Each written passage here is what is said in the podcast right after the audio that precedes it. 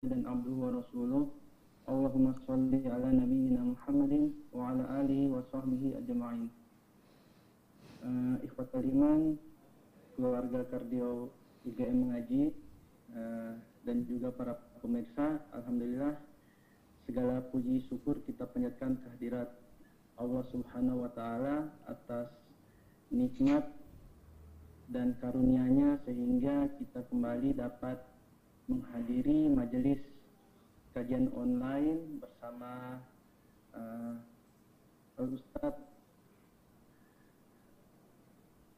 Ustaz Aris Munandar Hafizahullah Ta'ala dalam rangka pembahasan kitab Al-Ham Al-Aham. Ilmi Muktasar At-Tariqat As-Sadidah. Uh, dan seperti biasa uh, kajian kita pada malam hari ini kita bagi ke dalam dua sesi. Pertama, uh, Ustadz akan menyampaikan materi dan sesi kedua uh, kita akan buka sesi tanya jawab bersama Ustadz untuk uh, mempersingkat waktu. Uh, kami persilahkan kepada Ustadz untuk memulai. Nah. Assalamualaikum warahmatullahi wabarakatuh.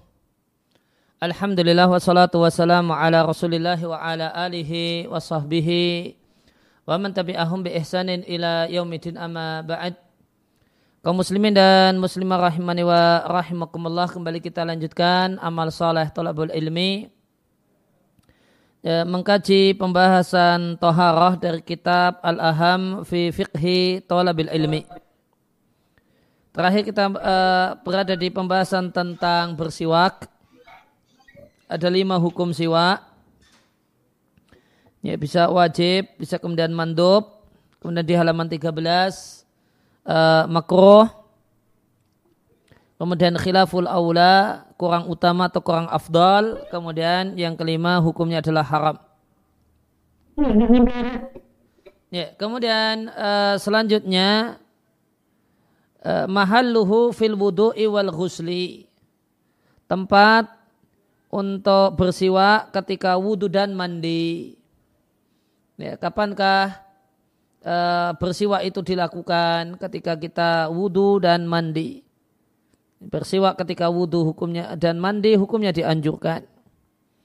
Maka di sini disampaikan fihi khilafun ada perselisihan di antara ulama Syafi'iyah. Kalau Imam Ramli berpendapat tempatnya adalah sebelum membasuh dua telapak tangan. Berarti sebelum berwudu. Bersiwak dulu, baru mulai berwudu. Fayahtaju ila niyatin, maka perlu pasang niat kalau itu satu hal yang dianjurkan dalam wudhu atau dianjurkan dalam mandi. Kemudian ya yang kedua adalah ingda uh, ingda ibnu Hajarin sedangkan menurut ibnu Hajar al Haytami ya, tempat dan waktu pelaksanaan bersiwak adalah ba'da ghuslil kafaini setelah membasuh dua telapak tangan. Ya, ketika hendak uh, kumur-kumur dan istingsak, nah itu bersiwak terlebih dahulu.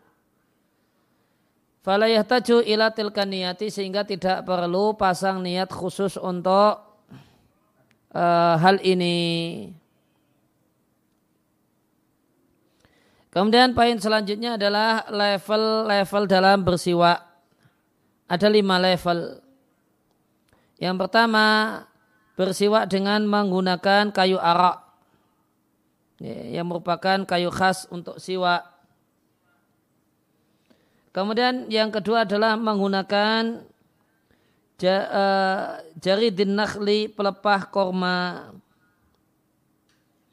Ini berdasarkan hadis di catatan kaki berdasarkan hadis yang diatkan oleh Al-Bukhari ya, min anna inna akhir siwakin istaka bin Nabi sallallahu alaihi wasallam. Bahasanya siwak terakhir yang Nabi pakai ingdal mauti ketika beliau hendak sakaratul maut itu dari pelepah pohon korma. Ya, ya, ya asbi min asbin nakhli Asbin nakhli itu adalah pelepah korma yang belum tumbuh padanya daun ya, daun korma.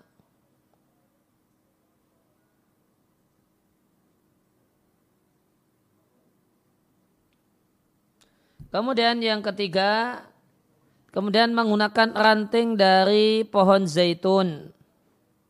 Alasannya di catatan kaki nomor dua disampaikan, karena hadis yang diatkan oleh Qutni, Nabi menyampaikan, nikmat siwaku sebaik-baik siwa adalah zaitun dari pohon yang penuh berkah, yang ini mengharumkan mulut dan menghilangkan bil hufari. Kalau makna asli uh, hafar itu uh, galian namun yang dimaksudkan di sini al-hafur adalah sufratun ta'lul al-asnana. Kuning yang menutupi gigi. Ya, kuning gigi. Wa huwa siwaki wa siwak wa siwakul anbiya min qabli. Bersiwak dengan menggunakan ranting. Pohon zaitun adalah siwakku dan siwak semua para nabi sebelumku. Ya, kemudian yang keempat adalah menggunakan semua ranting lahu raihatun yang memiliki bau yang wangi. Ila raihan kecuali ya, tumbuhan raihan. Ya, satu jenis tumbuhan. Ada apa dengan tumbuhan raihan di catatan kaki tiga disampaikan lima kila karena ada informasi yang menyampaikan bahasanya bersiwak dengan raihan itu menyebabkan judam, menyebabkan lepra. Kemudian yang kelima adalah ranting-ranting pohon yang lainnya. Dan perlu diketahui di sini disampaikan setiap level uh, setiap level ini memiliki level uh, level 5 level yang lain. Jadi poin pertama itu terkandung padanya 5 5 level, poin yang kedua 5 level dan seterusnya. Sehingga totalnya ada 25 tingkatan. Fa'abdalul maratibi maka tingkatan yang paling baik adalah sebagai berikut. Yang pertama adalah bersiwak dengan menggunakan kayu ara atau ranting pohon ara al-munadda yang di, dibasahi bilma'i dengan air. Kemudian yang kedua ya, adalah kayu-kayu siwa yang lainnya atau atau kemudian kayu ara al-munadda bima'il wardi. Kemudian kayu ara yang dibasahi dengan air mawar. Dan di halaman 14 Thumma al-munadda biriqi. Kemudian yang dibasahi dengan air liur kemudian yang keempat kemudian ranting yang basah. Kemudian yang kelima menggunakan ranting arak yang kering. Nah itu yang paling afdal dari berarti yang paling afdal tentu level yang pertama. Di level pertama itu ada lima tingkatan semacam ini. Dibasahi air, dibasahi air biasa, air mawar, air liur, kemudian tidak dibasahi namun dia ranting yang basah, kemudian menggunakan ranting yang kering. Ya, masing-masing level tadi, masing-masing dari urutan 1, 2, 3, 4, dan 5, masing-masing uh, ada lima level ini, lima jenjang ini. Kemudian poin selanjutnya adalah cara memegang kayu siwa. Ya. Ya. Adalah ayat ja'ala al-khinsir. Ya, jari manis itu diletakkan, jari manis tangan kanan diletakkan di bagian bawah dari kayu siwa. Ya, di dasarnya. Sedangkan jari manis, jari tengah, dan jari telunjuk di atasnya wal ibham sedangkan jempol tahtahu di ya, di bawahnya ingda ra'sihi di dekat kepala jadi di dekat ujung kayu siwa kemudian tata cara menggunakan kayu siwa ya. maka bersiwak itu ada sasarannya ada tiga yaitu gigi, kemudian lidah dan gusi. Maka di sini disampaikan fil asnan kalau untuk gigi maka bersiwaknya dengan uh, ardon dengan uh, di apa kiri kanan kiri kanan gitu. Catatan kaki uh, atau uh, di sini disampaikan atau sisi lebarnya. Kalau untuk gigi sisi lebarnya latulan bukan sisi panjangnya li'annahu sayyidumi alithata karena ini akan menyebabkan berdarahnya gusi. Berarti gini ya, naik, turun, naik, naik, turun. Oh, begini nanti ada sisi gusi yang ketabrak uh, kayu siwak dan bisa berdarah. Kemudian yang kedua wafilisan untuk bersiwak untuk lidah. Maka itu tulan sisi panjangnya lidah. Wadhalika bi ayyabda'a bijani bifamihi dengan memulai sisi ya, mulut sebelah kanan. Fa ya fayastawibahu maka diratakan semua fil asnan untuk gigi. Gigi atas gigi bawah bagian luar dan bagian dalam Sumayaf aludalika kemudian melakukan hal yang semacam itu di sisi kiri dari mulut. Ya, maka di sini eh, kita lihat bahasanya Bersiwak itu dimulai dari rongga mulut sisi kanan baru sisi kiri. Kemudian poin selanjutnya adalah tuluhu tentang panjangnya kayu siwak dianjurkan tidak lebih dari satu jengkal dan tidak kurang dari empat jari. Kemudian selanjutnya adalah doa di awal bersiwak.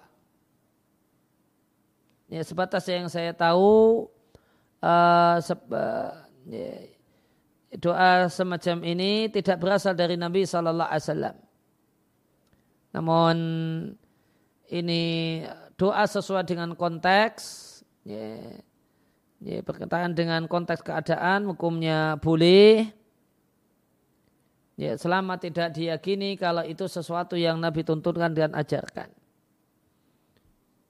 Nah, maka boleh berdoa dengan mengucapkan Allah mabayit fi asnani, ya Allah putihkanlah gigiku dan kuatlah, kuatkan lithati gusiku, kokohkanlah lahati lahat, catatan kaki, ada daging di ujung uh, atap al-hanaki rongga mulut.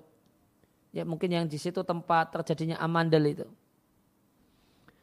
Fa'afsi bilisani ya Allah ya, dengan sebab siwa ini fasihkanlah lidahku dan berkailah aku padanya. Dan athibni berilah aku pahala karenanya ya arhamar rahimin. Ya, maka ini poin yang pertama berkenaan dengan sunanul fitrah. Ya, panjang lebar tentang masalah bersiwak. Kemudian uh, selanjutnya adalah al-iktihal memakai celak. Dianjurkan untuk bercelak witron secara ganjil ya, tiga kali untuk mata kanan, tiga kali untuk mata kiri. Dan bercelak ini dianjurkan setiap malam ketika hendak tidur. Dan dianjurkan hendaklah menggunakan batu ismit. Ya, ini ini batu yang paling lembut dan yang paling cocok untuk uh, untuk celak. Kemudian sama diperbolehkan uh, berdoa ketika bercelak dan ini sebatas yang saya tahu tidak berasal dari Nabi Shallallahu Alaihi Wasallam, namun ini doa yang sesuai dengan konteks sehingga boleh tanpa meyakini itu satu hal yang Nabi anjurkan. Allahumma ya Allah Terangilah penglihatanku dan mata hatiku. Jadikanlah ya, ketika aku sendiri itu lebih baik daripada ketika aku bersama banyak orang. Dan ya Allah jadikanlah ala niati ketika aku berada uh, bersama banyak orang adalah keadaan yang salihatan, keadaan yang baik. Kemudian poin yang ketiga adalah al-iddihan, uh, meminyak ibadan. Ya, yang dimaksudkan dengan al-iddihan ini meminyak ibadan. Maka disarankan uh, melumuri seluruh tubuh dengan minyak. Ya kalau di tempat kita ini dilakukan kalau mah pijet ya. Ya maka nanti badan bisa terlumuri dengan minyak. Wayakunu riban ini dilakukan dengan kadang-kadang ay waktan ba'da waktin waktu ya, waktu ke waktu. Ya, sekarang ini ia melumuri badan dengan minyak, besok enggak, besoknya lagi iya dan seterusnya. Dan melumuri badan dengan minyak itu ditekankan manakala kulitnya itu kulit yang kering dan di musim dingin. Kemudian poin yang keempat menghilangkan bulu ketiak. Kalau untuk laki-laki dianjurkan menghilangkan bulu ketiak ini dengan cara an dengan cara mencabuti bulu ketiak Sedangkan bagi wanita karena mencabuti bulu ketiak ini sakit dan mungkin cenderung tidak kuat menahan sakit, maka untuk perempuan disarankan untuk al-halqu dengan cara dikerok. Ya, intinya sebenarnya mau dicabut, mau dikerok uh, sama saja ya, amal yang dianjurkan. Namun kalau di sini diberi saran yang berbeda antara laki-laki dengan perempuan. Ya, namun seandainya lelaki juga membersihkan bulu ketiaknya dengan cara dikerok, insya Allah juga tidak mengapa. Karena yang jadi maksud yaitu izalatu, yaitu menghilangkan bulu itu sudah terwujud. Ya, meskipun yang lebih baik adalah anatfu dengan mencabuti Apalagi itu adalah teks hadis dalam hal ini.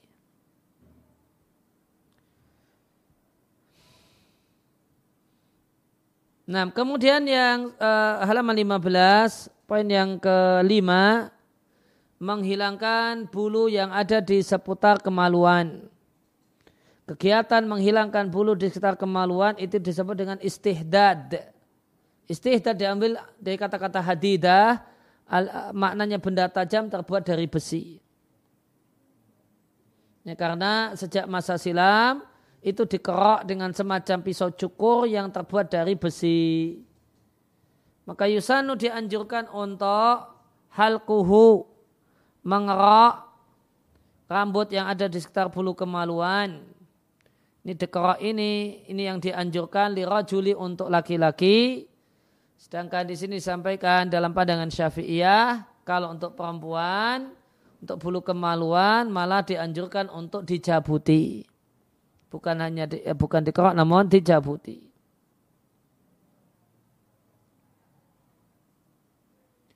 Ya, kemudian poin yang keenam adalah memotong kuku.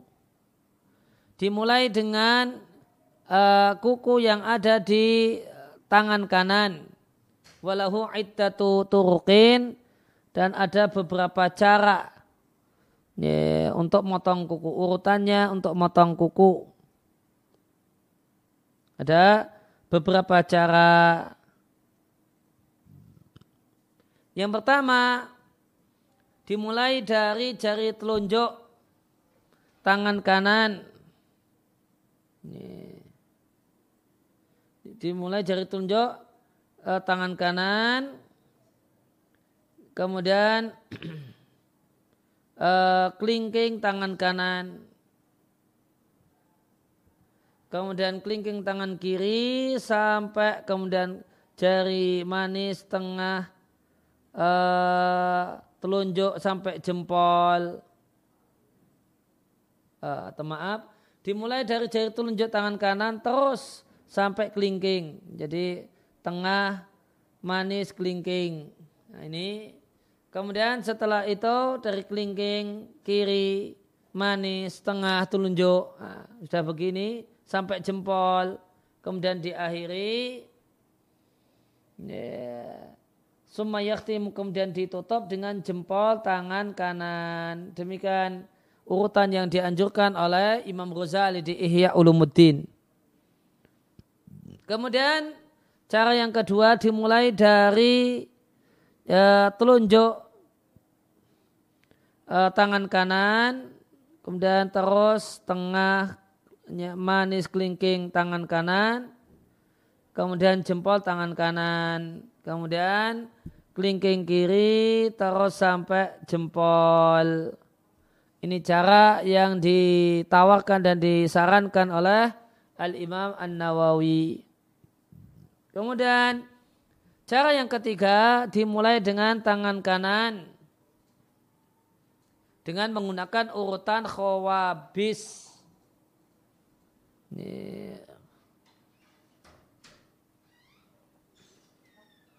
Dan tangan kiri dengan urutan au au khabis. Catatan kaki satu. Waqad nasa al-Imam Ahmad ala, ala istihbabihi. Imam Ahmad menganjurkan hal ini dan karena hadis yang disebutkan oleh Ibnu Qudamah di Al-Murni, Nabi Shallallahu Alaihi Wasallam menyampaikan, man mukhalifa, siapa yang menggunting kukunya dengan bentuk berselisih, maka dia tidak akan melihat terjadinya Ramadan, Ramadan, uh, sakit mata, belen pada dua matanya. Yang dimaksud dengan cara berselisih antakuna ala tartibil madkur dengan menggunakan urutan yang telah disebutkan atau semacam itu. Wahia dan urutannya adalah bidayatu asma'il asabi ya, adalah awal dari nama-nama jari. Sehingga khawabis, tadi ada khawabis, khaknya itu khinsir. Ya. Kha itu khinsir. Ya, yaitu jari telu, eh, jari kelingking. Kemudian uh, wawunya itu wusta. Ya wusta tengah. Summa ibham kemudian jempol kemudian bis bis itu binsir yaitu jari manis, thumma sababah, kemudian jari telunjuk. Itu khawabis. Wakadhalika demikian juga kalau e, bisa menggunakan urutan au khabis.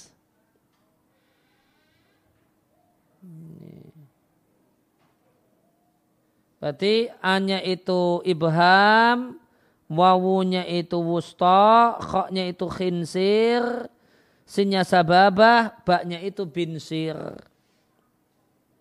Wa qad qala ba'dum fi dhalik, dan ada ulama yang mengatakan tentang hal ini membuat syair dengan mengatakan qallimu adfarakum ala sunnati wal adab ya, yumnaha khawabis yusroha au khobas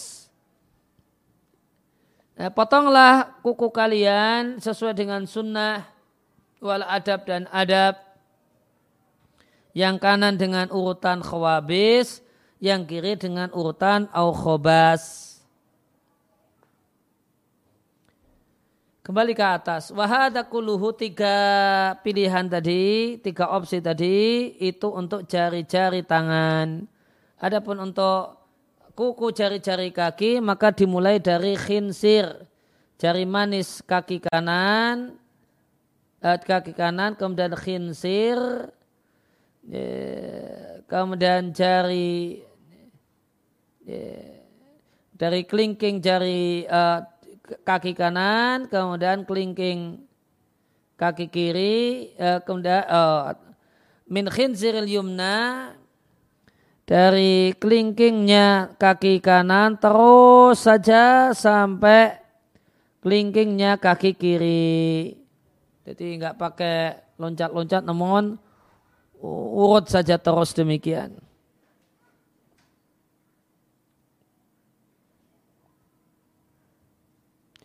Kemudian di sini disampaikan wayusanu dan dianjurkan at-taqlimu memotong kuku pada hari Senin dan Kamis. Ditambah bukrotal Jum'ati pagi hari Jumat. Kemudian eh, dan membersihkan jari-jari setelah potong kuku. Salah selesai potong kuku cuci tangan. Ya, kemudian yang ke Poin yang ketujuh tentang sunanul fitrah adalah al-khitan. Itu berkhitan atau sunat. Wawa dan khitan definisinya adalah memotong kulit ya, ya, yang ada di atasnya farji. Ya, dan hukum khitan ini wajib untuk laki-laki dan perempuan balighaini yang balir. Artinya sebelum balir itu hendaknya dikhitan sehingga pas balik sudah dalam keadaan berkhitan. Dan satu hal yang menarik untuk uh, mengkonfirmasikannya dengan realita. Jadi kalau Syafi'iyah, khitan itu tidak hanya wajib untuk laki-laki namun juga untuk perempuan. Ya, namun khitan perempuan malah jarang kita jumpai di masyarakat kita yang uh, katanya masyarakat syafi'iyah. Catatan kaki dua, inilah yang muktamad, pendapat yang muktamad menurut syafi'iyah dan hanabilah. Sedangkan menurut Hanafiyah dan Malikiyah, huwa sunnatun khitan itu sunnah untuk laki-laki dan perempuan. Imam Rafi'i, ulama besar madhab syafi'i menceritakan adanya pendapat yang dinilai nyeleneh yang mengatakan wajib untuk laki-laki namun sunnah untuk perempuan. Kemudian wayusanu dan dianjurkan ayakuna fil yaumi khitan dilakukan pada hari ketujuh dari kelahiran bareng dengan akikah, bareng dengan gundul rambut kepala itu sekalian khitan. Ya, karena semakin kecil berarti aurat itu kan semakin tidak ada. Maka kalau baru lahir baru tujuh hari tidak ya, ada auratnya. Sehingga lebih longgar.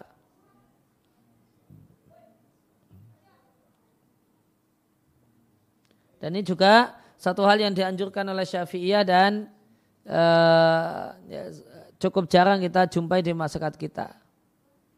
Yang mempraktekkan ya pada hari ketujuh itu ya akikoh, ya khitan dan cukur rambut itu.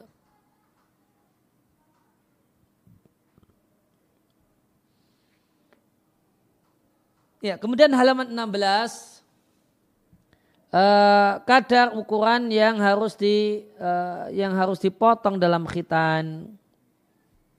Kalau untuk laki-laki hai suya ketau jamial jaldati terpotong semua kulit yang menutupi seluruh hasyafah. Hasyafah itu kepala zakar. Airok sudakari kepala zakar. Sehingga setelah khitan itu jadi, maka semua kulit itu di bawahnya kepala zakar. Nah itu khitan yang jadi. Kalau ternyata khitannya itu cuma 50 ya, persen, jadi uh, ketika dah, uh, dah normal, dah sehat, ternyata setengah kepala dakar itu masih tertutup kulit. Setengah lainnya lagi terbuka. Ya maka ini khitannya belum sempurna. Bisa dikhitan lagi ini. Masih perlu dikhitan lagi supaya kulit yang menutupi kepala dakar semuanya terbuka. Itu untuk laki-laki. Sedangkan kalau khitan untuk perempuan dengan memotong mayutlak alaihi ya, apa yang yutlak alaihi bisa disebut musamal qat'i memotong. Memotong dengan bentuk uh, ya sudah bisa dibilang memotong. Jadi kecil sekalipun tidak apa-apa. Tapi memotong bukan sekedar menggores atau melukai. Ya, di sebagian masyarakat kita khitan untuk perempuan itu cuma gores atau melukai. Maka di sini disampaikan tidak memotong dengan kadar yang paling minim sudah bisa disebut memotong. Qat'u mayutlaq alihi ismul qat'i. Memotong yang sudah bisa disebut dengan memotong. Meskipun sangat kecil.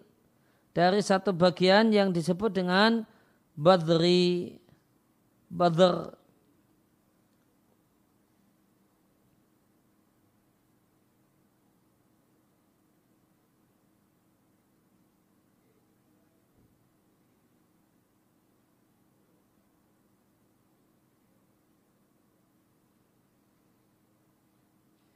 yaitu bagian yang uh, ya, menonjol pada farji perempuan.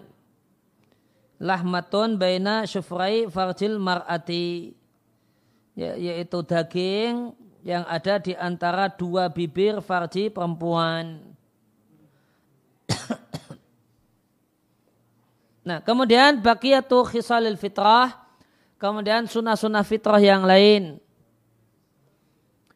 uh, sunnah-sunnah fitrah yang lainnya adalah qasus syarib, menggunting kumis, ya, mencukur kumis, uh, maka memotong kumis yang dianjurkan adalah bihai sutadharu humratus syafati.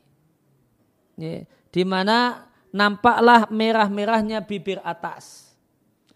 Jadi kumis yang diperintahkan untuk dipotong adalah kumis yang mulai menutupi bibir atas ini. Ya, bibir atas mulai tertutup. Nah itu yang diperintahkan untuk dipotong. Maka seandainya sudah di apa digunting semua sehingga merah ya, sisi merah dari bibir atas itu terlihat, nah, itu sudah sudah memenuhi, sudah melaksanakan perintah untuk memotong kumis. Sedangkan nanti mengerok kumis malah diperselisihkan. Boleh atau tidaknya. Karena memang idealnya cuma ini menampakkan sisi atas dari bibir. Kemudian yang lainnya adalah membasuh barojim. Barojim adalah lekuk-lekuk jari yang duhur bagian atas. Bagian atas dari lekuk-lekuk jari. Ya, dibersihkan gitu. Kemudian berkenaan dengan hal ini, makruh hukumnya koza. Ya, koza hukumnya makruh.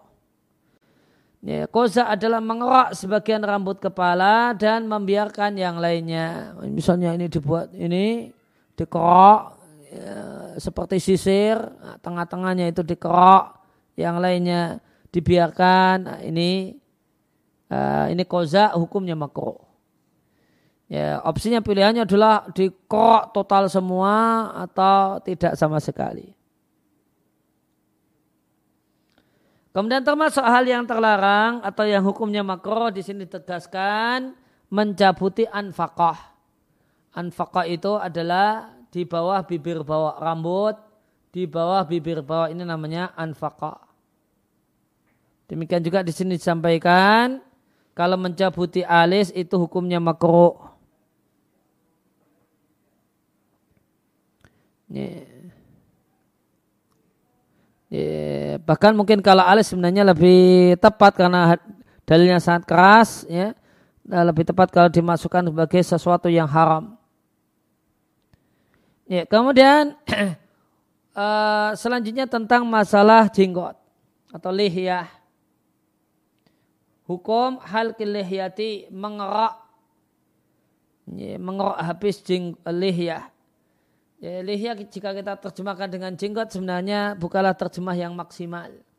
Karena lihya itu rambut yang ada di dagu, ini jenggot. Kemudian jambang yang ada di rahang kanan dan rahang kiri. Kemudian rambut yang tumbuh di pipi. Ya, tiga tempat ini namanya lihya. Kalau yang ditegaskan oleh Imam Muna al-Imam Musyafi'i di kitabnya Al-Um ala tahrimi. Ya, ngerok habis jenggot hukumnya haram. Ngerok habis jenggot hukumnya haram itu nas perkataan, teks perkataan al-Imam di Al-Um. Ya, sehingga uh, yang kalau berdasarkan uh, yang tercantum di sini yang paling ikuti Syafi'i ya karena di Al-Um ya yang pendapat yang mengatakan ngerok jenggot hukumnya haram. Namun ada ikhtiar, ikhtara, ikhtara itu ikhtiar, itu pendapat pilihan pribadi dari Imam Nawawi dan Ar-Rafi'i mengatakan karohah, makruh hukumnya mengerok jenggot. Ya, dan jika makruh kita katakan, hendaknya semangat seorang muslim adalah uh, semaksimal mungkin untuk meninggalkan hal-hal yang makruh. Dan tidak melakukannya kecuali uh, dalam posisi sempit, posisi uh, terpaksa. Gitu. Dan pendapat makruh inilah yang dinilai sebagai pendapat yang muktamad, pendapat yang tepat menurut madhab oleh Syekhul Islam Zakaria al-Ansari, Ibnu Hajar al-Haytami, kemudian Ar-Ramli, Al-Khatib Asyarbini, dan yang lain. Dikutip dari I'anatul Talibin. Kemudian hukum menyemir rambut kepala yang dan eh, dan jenggot yang sudah berubah disemir dengan warna hitam. Hukumnya haram kecuali untuk keperluan jihad perang supaya kelihatan tentaranya itu muda semua. Demikian juga menurut Ar-Ramli wanita ya, itu tidak haram uh, menyemir rambut kepalanya dengan warna hitam dengan syarat biidni zaujiha seizin suaminya. Ya, maka sampai sini selesai pembahasan tentang sunanul fitrah. Ya, masih ada waktu kita tambahkan dengan eh, halaman 17 babul wudu ibab tentang wudu. Wudu lughatan dalam bahasa Arab adalah nama untuk membasuh sebagian anggota tubuh.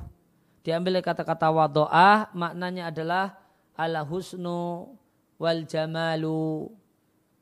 Bagus dan cantik atau indah. Secara syariat ruslu maknanya adalah membasuh sejumlah anggota badan tertentu dengan niat tertentu dengan tata cara tertentu. Kemudian ada apa perbedaan antara wadu dengan wudhu Ya, maka wadu kalau wawunya di fatkah adalah nama untuk air yang dipakai untuk berwudu, sedangkan wudu wawunya di adalah nama untuk perbuatan berwudu. Kemudian fatul wudu'i, kemudian uh, keutamaan berwudu. Terdapat dari Nabi Shallallahu Alaihi Wasallam Nabi menyampaikan tidaklah seorang hamba menyempurnakan kegiatan wudunya kecuali diampunilah mata dzambi wa mata akhara dosanya yang dulu dan yang belakangan. Dikeluarkan oleh Al-Bazar dalam Musnad di Majmu' Zawid disampaikan perawinya itu dipilih siqah hadisnya Hasan insyaallahu. Uh, Al-Hafidh Ibnu Hajar al-Asqalani mengatakan asal hadis ini ada dalam Sahih Bukhari dan Sahih Muslim namun dalam redaksi Bukhari dan Muslim tidak ada tambahan wa mata akhara dan yang belakangan Nabi Shallallahu Alaihi Wasallam juga menyampaikan as-salatu khairul maudu'i. Salat adalah sebaik-baik kegiatan dan tidak ada orang yang merutinkan wudhu kecuali orang yang beriman. Dikeluarkan oleh Imam Ahmad, Ibn Abi Syaibah, dari Thauban, keduanya dengan redaksi wala yuhafidhu alal wudu'i ila mu'minun.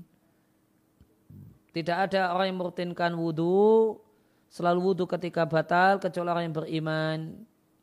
Tidak ada pada Bukhari dan